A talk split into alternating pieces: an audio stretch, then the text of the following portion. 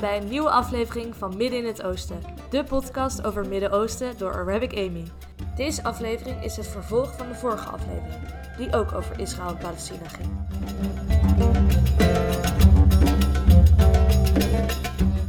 Voor deze aflevering heb ik een hele bijzondere gastspreker uitgenodigd, namelijk islamoloog en Midden-Oosten-deskundige Nora Azrami. We gaan het vandaag hebben over de situatie rondom Israël en Palestina. Nora, welkom. Uh, leuk dat je hier kan zijn vandaag. Uh, zou je jezelf even kort willen voorstellen? Ja, uh, dankjewel. Nou, ik ben dus Nora. En ehm, ik ben momenteel aan de VU aan het promoveren op een onderzoek naar moslimjongvolwassenen van Marokkaans-Nederlandse achtergrond. En daarnaast werk ik ook als programmamaker op de VU. dus ik mag activiteiten organiseren rondom diversiteit, dialoog, zingeving en levensbeschouwing. En uh, ja, verder uh, in mijn vrije tijd bemoei ik me graag, heel graag op social media met allerlei kwesties. Waaronder dus uh, ja, het Midden-Oosten. Ja. Super interessant, leuk. nou, we gaan het vandaag dus hebben over het Israëlisch-Palestijnse conflict. Mm -hmm. dit wordt door velen omschreven als het meest gecompliceerde conflict ter wereld. En veel Nederlanders hebben ook een mening over het conflict, maar ook blijkt dat er veel onduidelijkheden en misverstanden over uh, dit gebied en conflict ontstaan, uh, bestaan. Uh, daarom gaan we het vandaag erover hebben en hopelijk ontstaan er dan wat verhelderingen. Ja. Um, een eigen staat voor de Joden. Het moest de oplossing zijn voor het antisemitisme en geweld waar Joden in Europa mee te maken hadden aan het eind van de 19e eeuw. Maar de nieuwe staat Israël, die uiteindelijk in het Midden-Oosten zou ontstaan, is van vrede nooit sprake geweest. Hoe komt dat? De staat Israël is in 1948 opgericht, waarin het grondgebied uh, werd verdeeld onder de Joden en de Palestijnen. De Palestijnen accepteerden dit niet, maar uh, de Joden wel. Mm -hmm. En um, wat hield dit eigenlijk precies in, deze oprichting van de staat Israël? Wat betekende dit? Ja, uh, ja allereerst, er was dus inderdaad een verdeling gemaakt. Waarbij uh, nou, de, eigenlijk de Joden dan uh, ongeveer 56% van het land zouden krijgen en de Palestijnen dus ja, in het nadeel waren. Dat is een van de belangrijkste redenen waarom zij niet akkoord gingen. Zij kregen ook de, de minst vruchtbare gebieden toegewezen. Dat is een tweede reden. En een derde reden was dat eigenlijk had, in 1947 had, hadden de Verenigde Staten um, ja, Israël al erkend. En in 1948 toen de VN gevolgd. Maar veel van de landen binnen de VN hadden dus ook bezwaren over die verdeling. Dus niet iedereen steunde het. Uh, dus de eerder genoemde bezwaren. Uh, uiteindelijk is het er doorheen gedrukt. En, uh, want ja, Israël of de Joden hadden een hele sterke Joodse lobby binnen de Verenigde Staten. En die hebben het er eigenlijk een beetje doorheen gedrukt. Waardoor de Palestijnen uiteindelijk er akkoord mee moesten gaan. Ja. Oké, en is dit dan eigenlijk ook uh, het beginpunt uh, van de daadwerkelijke actieve strijd tussen Israël en Palestina? Ik denk het wel. Daar, het, het, begin ging al verkeerd. Ja, er moest dus een Joodse staat komen, dat is heel logisch. Joden moesten vanuit Rusland en Europa vluchten. Ehm, ja, vluchten naar eigenlijk hun, hun ja, hoe noem je dat? Een, een vader-moederland. Maar ja, de Palestijnen hadden daar ook een vader- en moederland. En dat geldt voor zowel moslim als christen-Palestijnen. En we hadden trouwens ook Joodse Palestijnen. Maar toen Israël is opgericht, zijn de Joodse Palestijnen opgegaan in uh, Israël. Um, ja, die, de Joden moesten vluchten. Ze zijn eeuwenlang vervolgd. En het antisemitisme ligt echt wel, zeg maar, de kiem daarvan ligt echt wel in Europa en in, in Rusland.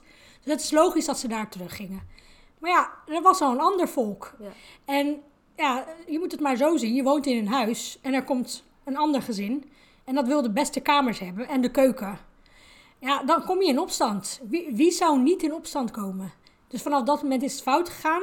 Uh, natuurlijk 1967, um, ja, de Zesdaagse Oorlog. Ja. En later in 1973 ook nog eens oorlog met de buurlanden. Toen heeft Israël eigenlijk ook, uh, ja, ik zeg dan, zijn kans gegrepen, of haar kans gegrepen, om nog meer land te annexeren. Um, en ja, het, het, ging van uh, slecht naar uh, slechter. En ja, de Palestijnen helaas trekken ze eigenlijk alleen maar aan het kortste eind. Dat kan ik wel zeggen. Dat is feitelijk ook zo. Ik bedoel, de laatste Gaza-oorlog uh, waren er aan de Israëlische kant volgens mij 30, 40, nou minder, minder dan 30 man overleden. En aan de uh, kant van Gaza zijn er toen 1300 mensen overleden. En waarschijnlijk zelfs meer, ja. waaronder heel veel kinderen. Ja. Uh, in, dus, in uh, 1948 werd dus de staat uitgeroepen, waarna er een onafhankelijkheidsoorlog plaatsvond. En um, nou, je noemde het zelf net ook al, de, oorlog van, de Zesdaagse Oorlog in 1967. Uh, maar wat hield dit allemaal in? Wat, wat veranderde er toen en wat gebeurde er eigenlijk? Ja, even kijken hoor, want het is een tijdje terug uh, dat ik dit uh, bestudeerd heb tijdens mijn studie. Volgens mij alweer 15 jaar geleden. maar na wat ik weet is dat in elk geval Egypte en andere buurlanden er ja, involved raken.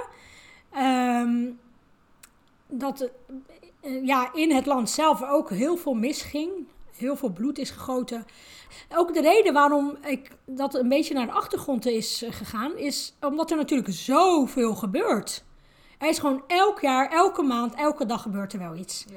En daardoor zijn mensen ook een beetje de klus kwijtgeraakt. En ik denk eerlijk gezegd dat Israël daar ook goed gebruik van maakt. En vooral zeg maar op ja, bepaalde dingen nu in het heden aan de kant van de Palestijnen in te zoomen. Zodat eigenlijk die geschiedenis, ja, dat dat wegvalt, dat mensen dat zich niet meer herinneren.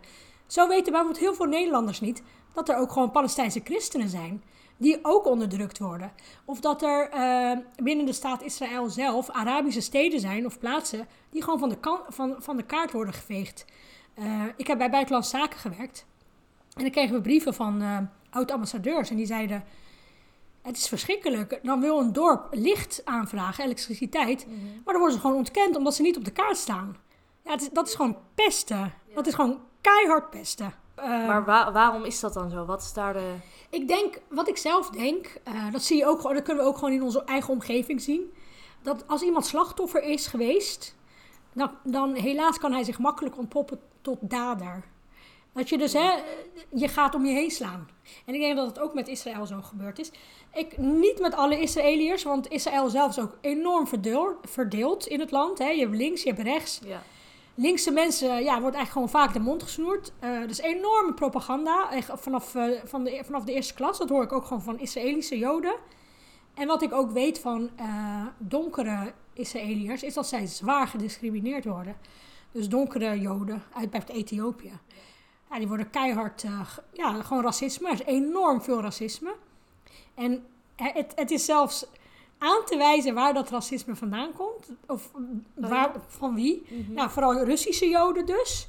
Maar ook Arabische Joden. Want die voelen zich superieur aan de andere Joden. Precies. En je hebt ook naar nou, Arabische Joden, zoals Marokkaanse Joden, die doen exact hetzelfde. Dus ja, ja het, is maar, het is gewoon een land en het zijn maar gewoon mensen. Ja. Maar of het een democratie is, dat uh, vraag ik me sterk af. Ja, we uh, hebben natuurlijk altijd eigenlijk over de, uh, alleen de Joodse staat en niet de Palestijnse staat. Um, maar de Palestijnen die willen natuurlijk ook een eigen staat. Dus hoe, hoe zit dat precies? Nou, ik denk dat het echt uh, dus absoluut te maken heeft met die sterke Joodse lobby in, in de Verenigde Staten. ik heb daar toen ook 15 jaar geleden een paper over geschreven. En ik kon daar best wel neutraal naar kijken. Van, oh ja, waar het meeste geld zit, zit ook de macht. Ja. En ik denk dat dat de belangrijkste reden is waarom de Palestijnen het niet gelukt is. Er waren ook Palestijnen, de, groot, de Palestijnse grootgrondbezitters, die hebben echt hun land verkocht aan, uh, ja, aan, aan, Joodse mensen vanuit Europa, vanuit Rusland. Dus, maar dat is, dat is niet te vergelijken met wat er nu geannexeerd wordt door Israël. Dus ja, daar, daar ligt het denk ik. En ja, de Arabieren waren destijds ook nog steeds. Ze stonden ook gewoon zwak ten opzichte van het Westen er zijn wel landen geweest die het hebben geprobeerd, maar dat is altijd gewoon direct in de kiem gesmoord. Dus we zouden wel uh, kunnen zeggen dat er meer medeleven is voor de Joden vanuit het Westen dan, uh, dan voor de Palestijnen. Ja, maar, maar ook dat is zelfs logisch. Hè? Als we weten wat er hier met de Joden is gebeurd. Ja. Kijk, uh, soms heeft een Geert Wilders het over joods-christelijke traditie. Denk ik, gast. Weet jij wel wat Yom Kippur is? Ja. En Hanukkah, waarom zijn dat dan geen nationale feestdagen? Dus en, ja, en daarmee wisten we natuurlijk ook die vijf jaar van wat er in Nederland is gebeurd. En dan hoor je ook vaak mensen zeggen: ja, maar Nederland kwam in verzet. Ja, dat waren er tientallen. Dat waren er geen duizenden, al helemaal geen miljoenen. Dus alsjeblieft, ken ja. je geschiedenis. Ja. Dus... Even nog uh, terug voor de luisteraars. kan je misschien even uh, vertellen wat Yom Kippur is? En, uh... ja, Hanukkah. nou ja, Hanukkah staat dus eigenlijk voor het lichtfeest. Even zo uh, uit het hoofd hoor. Yom Kippur staat dus voor de verzoening. Mm -hmm. Het feest van verzoening.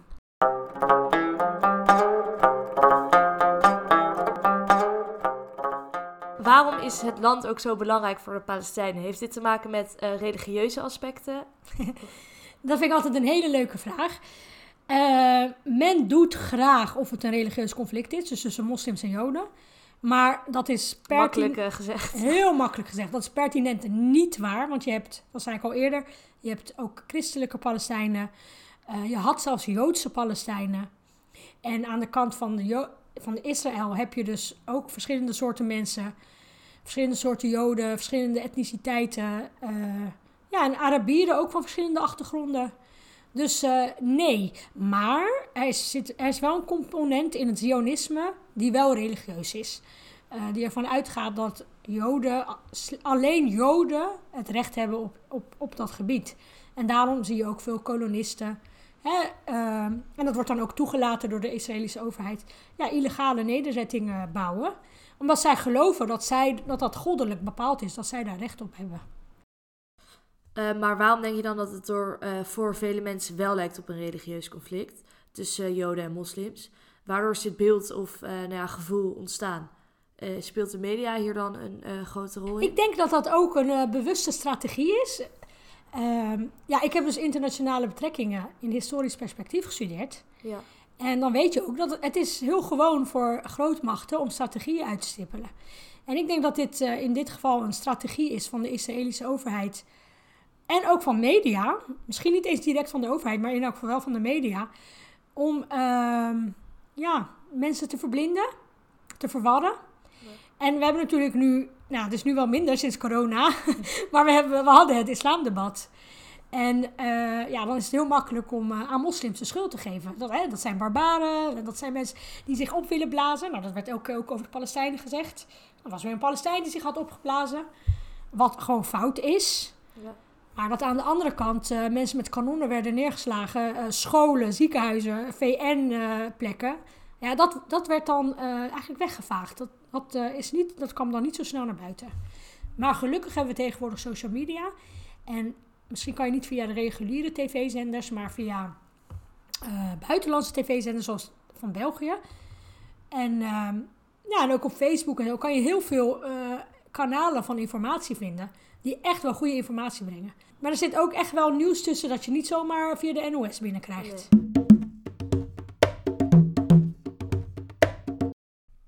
Het is natuurlijk ook heel belangrijk om te kijken, uh, of nou eigenlijk te weten, hoe de Joden en de Palestijnen er zelf in staan. Ik kan me voorstellen dat beide kanten na zoveel jaar van geweld en onvrede er uh, ja, een beetje klaar mee zijn. Um, dus is, is het nu zo dat, die, dat de Joden echt nog het hele gebied voor, zich, uh, voor zichzelf willen hebben? Of nemen zij genoeg met wat ze hebben? En hetzelfde geldt eigenlijk voor de Palestijnen. Uh, hoe staan zij er uh, nu in? Nou ja, van Israël weten we in elk geval niet alle Israëliërs, maar de Israëlische overheid wil in elk geval wel nog meer annexeren. Dat is ook laatst uh, bekendgemaakt, dat Israël deze dagen nog meer zal annexeren van de Palestijnse gebieden. Dus die, ja, dat, de Israëlische overheid wil dat. De Joodse kolonisten willen dat ook. Sterker nog, die willen alle gebied. Uh, die nemen ook huizen in van Palestijnen, maken olijfgaarden, olijfboomgaarden kapot. Uh, ja, er, gaat dus, er wordt dan geïnvesteerd vanuit het westen in die olijfboomgaarden. En elke maand wordt die gaarde weer kapot gemaakt. Dus dat, dat, is, denk ik, dat is wel helder. Ja, en wat betreft Palestijnen, of ze niet moe zijn. Ja, er zijn zeker Palestijnen moe. Uh, er zijn ook heel veel Palestijnen die uh, depressief zijn. Dat is ook gewoon aangetoond door we uh, wereldgezondheidsorganisaties. Ja. Maar ik weet niet of we het op... Nee, volgens mij niet opgeven. Ehm, je ziet juist dat ze nog een enorme kracht hebben. Ze worden ook groot, mee grootgebracht. Ja. Van, je moet speelt natuurlijk nu al generaties lang. Ja, blijf staan. Ja. Je moet blijven staan. zelfs als je geen benen hebt, ga je demonstreren. Uh, uh, ook al heb je geen ogen, blijf praten.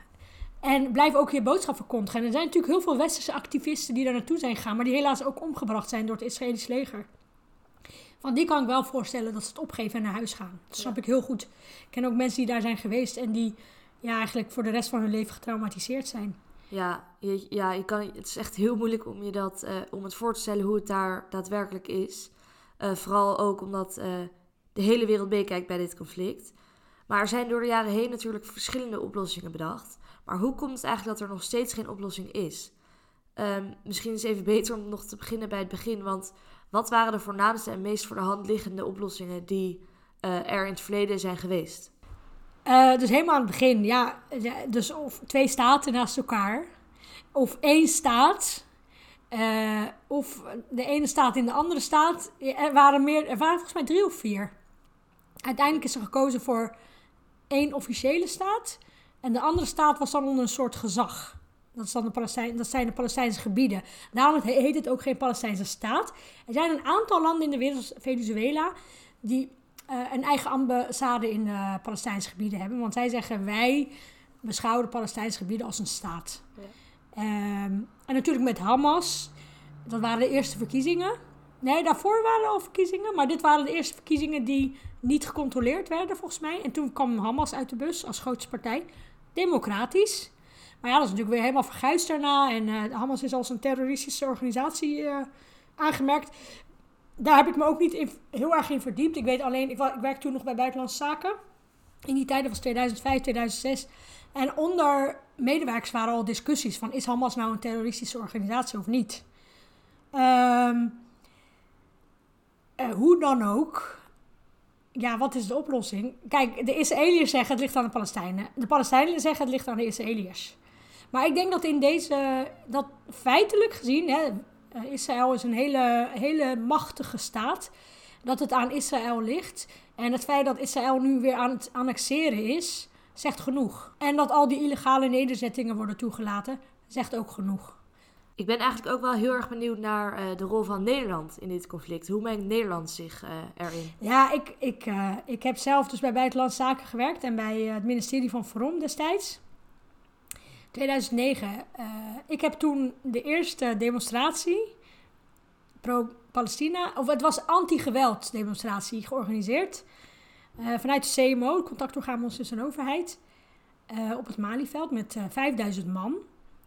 Um, ja, dat was dus tegen het geweld in Gaza. Mm -hmm. En toen zaten we met de ministers aan tafel, waaronder Bert Koenders. Hij was toen minister voor ontwikkelingshulp, of ontwikkelingssamenwerking. En die zei letterlijk, ja, Nederland zit ook in haar maag met Israël en eigenlijk de hele Europese Unie.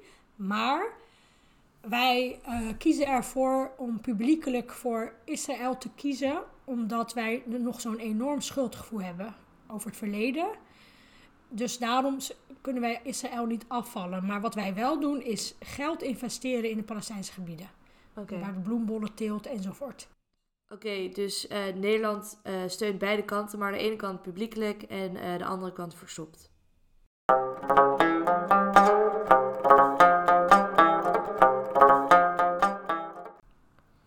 Nou, een paar weken geleden stond dus in het nieuws dat Israël op het punt stond om Palestijns grondgebied verder te annexeren. Um, nou, dit levert natuurlijk weer heel veel vragen op bij mensen.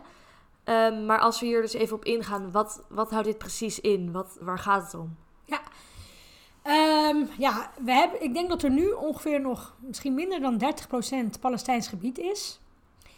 En ja, Israël wil dus. Oh, en dan tel ik nog niet eens uh, illegale nederzettingen mee. Dan, dan is het nog minder dan 30%. Nou, en Israël wil dus nu nog meer gebied annexeren. Vruchtbaar gebied, dat hebben ze ook nodig voor de economie, voor de Israëlische economie. En ja, ze hebben gezegd dat ze daar recht op hebben. En uh, dat is dus deze dagen gaande, maar dat wordt niet breed uitgemeten in de media. Uh, ja, natuurlijk om hele begrijpelijke redenen. Ja. Dus als je er ook informatie over... Je moet heel diep graven om daar informatie over te vinden. En waarom gebeurt het eigenlijk juist nu, deze periode? Heeft het dan ook te maken met uh, de coronacrisis of... Wat denk je zelf? Nou, ik denk dat zeker de coronacrisis hier invloed op heeft. Uh, de hele wereld is daar natuurlijk op gefocust. En ik heb ook ergens gelezen dat uh, bij Amerika de aankomende presidentsverkiezingen hier eigenlijk ook een rol in spelen. Eh, want Trump die besteedt natuurlijk veel geld en tijd aan Israël. En ja, het heeft goede banden met het land. Maar dat eh, Joe Biden, de andere kandidaat bij de eh, presidentsverkiezingen in Amerika, dat hij daar weer een hele andere visie op heeft. Dus dat daarom juist eh, de annexatie nu plaatsvindt, nu net nog voor, de, voor de nieuwe verkiezingen. Ja, ik denk dat het. ehm, ik, denk, ik moet ook wel lachen, want soms hoor je mensen zeggen: ja, China heeft expres coronavirus de wereld ingebracht om bepaalde dingetjes te kunnen doen met eh Oeigoeren. Ja. Eh, of Rusland heeft dat gedaan om eh, China een, ja, een, een hak te zetten. Of Amerika heeft het gedaan om China een hak te zetten. Nou, en ik hoor ook wel mensen zeggen: Israël doet dit om lekker hun gang te kunnen gaan. Dat, zover wil ik niet denken. Maar ik denk wel, de wereld is inderdaad wel gefocust op het corona, op de Ja. coronacrisis. Maar je zou juist eh, ook kunnen denken dat Israël nu eh, zo hard getroffen is door het virus dat het zich volledig daarop focust en niet bezig is met eh, andere stukken land te annexeren. Er is Ja. natuurlijk iets belangrijkers gaande in de, in de wereld. Ja, dat zou je denken. Ja. Maar ze gaan er wel mee door. En sterker nog, ze hebben Gaza dus... eh, Gaza wordt ook gewoon hulp ontzegd. Het, het, het, het mooie is van Gaza is dat ze zo hermetisch afgesloten zijn... dat eh, de corona, coronavirus daar ook niet veel vat heeft kunnen krijgen. Nee? Nee. Wow. Misschien is het inmiddels anders, maar dat, eh, dat was dus in het begin was dat zo. Wat zou dit betekenen voor de, voor de twee-staten-oplossing? Oh, die komt er niet. Nee. Die, die gaat er volgens mij ook nooit komen. Bedoel, eh, Israël te sterk is, te Ja. machtig. Ja, Arabische landen te zwak. Westerse landen die nog steeds Israël zo het, het hand boven het hoofd houden. Christelijke organisaties uit Nederland die zoveel geld ook pompen in Israël. Dan denk ik, waar zijn jullie mee bezig? Ja. En christelijke Palestijnen die huilen en zeggen alsjeblieft, waaronder Naim Atik, dat is een belangrijke vredestheoloog. Die zegt alsjeblieft help ons. Waarom helpen jullie Israël? Ja, En als we dan eh, nog heel even teruggaan naar de annexatie van eh, Israël, hoe reageert de rest van de wereld daarop? Eh, dat dat eh, krijg ik ook niet zo heel goed mee. Ik heb daar laatst wel op gegoogeld. Er zijn landen die heel kritisch zijn, altijd geweest, zoals Zuid-Amerikaanse landen. Eh, ook Ierland is heel kritisch op Israël. Dat vind ik echt sterk. Maar Arabische landen zijn zwak en stil, want ja, die moeten natuurlijk wel naar hun grote broer, de Verenigde Staten, kijken. Ja, en ja, daar heb je ook gewoon echt niks aan. Dat- echt. Ik vind dat nog erger dan een Trump. Weet je, die, dan denk ik, kom op, jullie, zijn, jullie hebben ook Ja. geld. Waar zijn jullie? Help dan. Er is een ander land dat ook altijd kritisch is, dat is Libanon. Maar dat is zelf ook echt, echt kapot gemaakt door Israël. En nog misschien wel belangrijker, wat vinden de Israëliërs er zelf van, van het plan? Dat weet ik niet. Dat wordt ook vaak wel verborgen gehouden. Ook de verdeeldheid onder de Israëliërs wordt ook echt wel goed buiten beeld gelaten.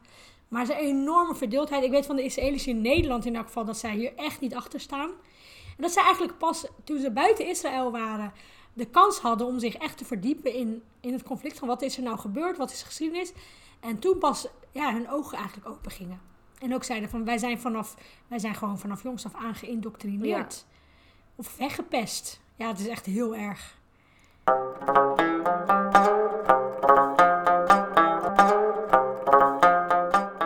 Dan eh, heb ik nog wel een laatste vraag voor je. Eh, ik merk aan je nu ik eh, zo tegenover zit dat het gesprek nogal wat emoties oproept. Maar waarom ben je zo begaan met het conflict daar en de situatie? Nou ja, allereerst, ehm, ik, ik ben op dit conflict.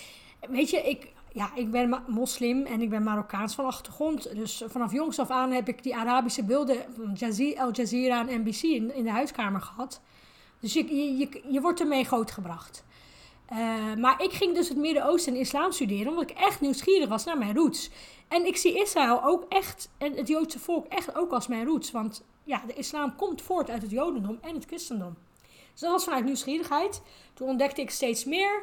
Ja, dan kom je achter dingen en dan, eh, dat verbreedt ook je blik. Eh, maar ik ben sowieso nu, op, op deze leeftijd, ga ik intersectioneel te, te werk. En dat houdt in dat ik, ik hou me met alle soorten van onrechtvaardigheid tegen. Ik heb me de afgelopen jaren eh, vooral eigenlijk met eh, de plek van islam en moslims in Nederland bezig gehouden, of in het Westen. Eh, nou, nu hou ik me ook bezig met eh, Black Lives Matter, ehm, ja, vrouwenrechten, homorechten. Dus gewoon eigenlijk overal waar ik, waarvan ik vind dat er onrecht is, heb, Ja. wil ik iets over zeggen. Maar het is zeker zo dat, in elk geval voor moslims met een Marokkaans-Nederlandse achtergrond, geldt dat wij nog meer begaan zijn met uh, de Palestijnen. Omdat we dus, we zijn ermee opgegroeid. Plus het is zo duidelijk dat het Westen hier een grootmand, grootmacht de hand boven het hoofd houdt op een verkeerde manier.